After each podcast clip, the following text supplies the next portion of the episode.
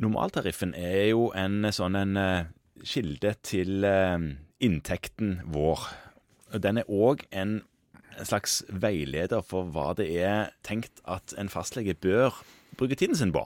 Ja, de, de bruker den av og til til å prøve å nudge oss i riktig retning. Ja. Nudge oss i riktig retning. ja. Les boken 'Nudge'. Den er faktisk veldig bra. Ja. Men ja, sant, de gjør det. Og da, nå, hvis en leser normaltariffen for eh, allmennleger, så dukker det noen ganger opp takster som du kanskje ikke visste så godt om, eller iallfall de har underbrukt. Og jeg leste gjennom eh, en takst etter at eh, jeg ble tipsa om den, og den taksten var 660. Ja. Den er jo nok veldig ujevnt brukt, vil jeg tro.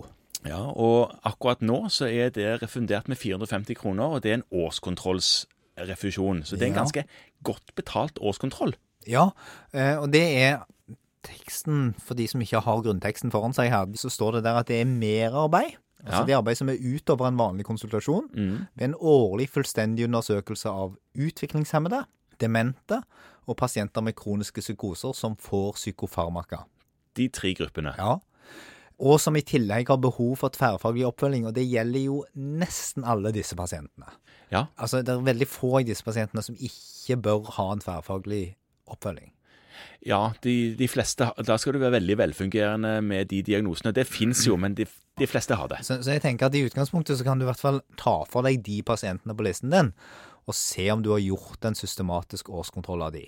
Og da står det at undersøkelsen, det står i taksten da, skal omfatte forhold av sosial, kognitiv og sansemessig karakter. Litt usikker på hva sansemessig betyr her. Om Skal det, du ha de til lukte på kamfer og sånt?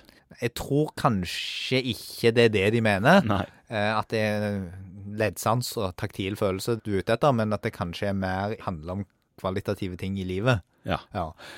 Sånn at de sier noen ting om her at du skal gjøre en systematisk og god årskontroll som omfatter både de fysiske og de psykiske og de sosiale forholdene rundt pasienten. Mm. Og det er viktig.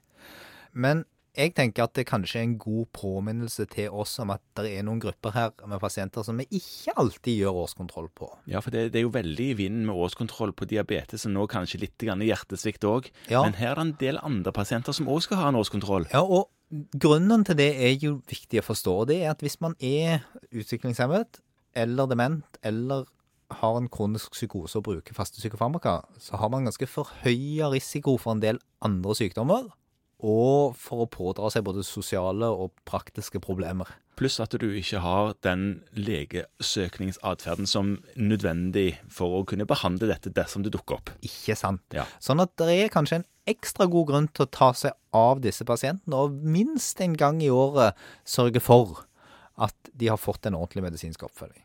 Og da må man fra tilfelle til tilfelle gjøre en vurdering av hvor mye skal vi fokusere på den kardiovaskulære risikoen. Mange av disse har en betydelig forhøya risiko for å utvikle diabetes.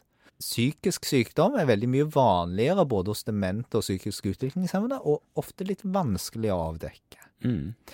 Og så er det sånn at dette kan man jo kanskje sette litt i et system, da, som vi gjør med andre årskontroller, og ta en del av de rent praktiske undersøkelsene hos en medarbeider. Og få organisert det bedre og få tid til det. Og så trenger det ikke ta så fryktelig lang tid, hvis man vet hva man skal gjøre i forkant. Tenker at det er greit å minne på at denne taksten fins. Den er der fordi at det er viktig at vi prioriterer å gjøre en ordentlig systematisk vurdering av disse pasientene. Mm. Og så får vi kanskje prøve å finne gode ordninger da, i praksis for å legge til rette for at dette blir gjort.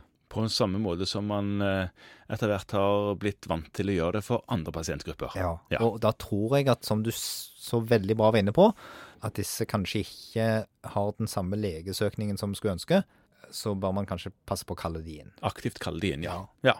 OK.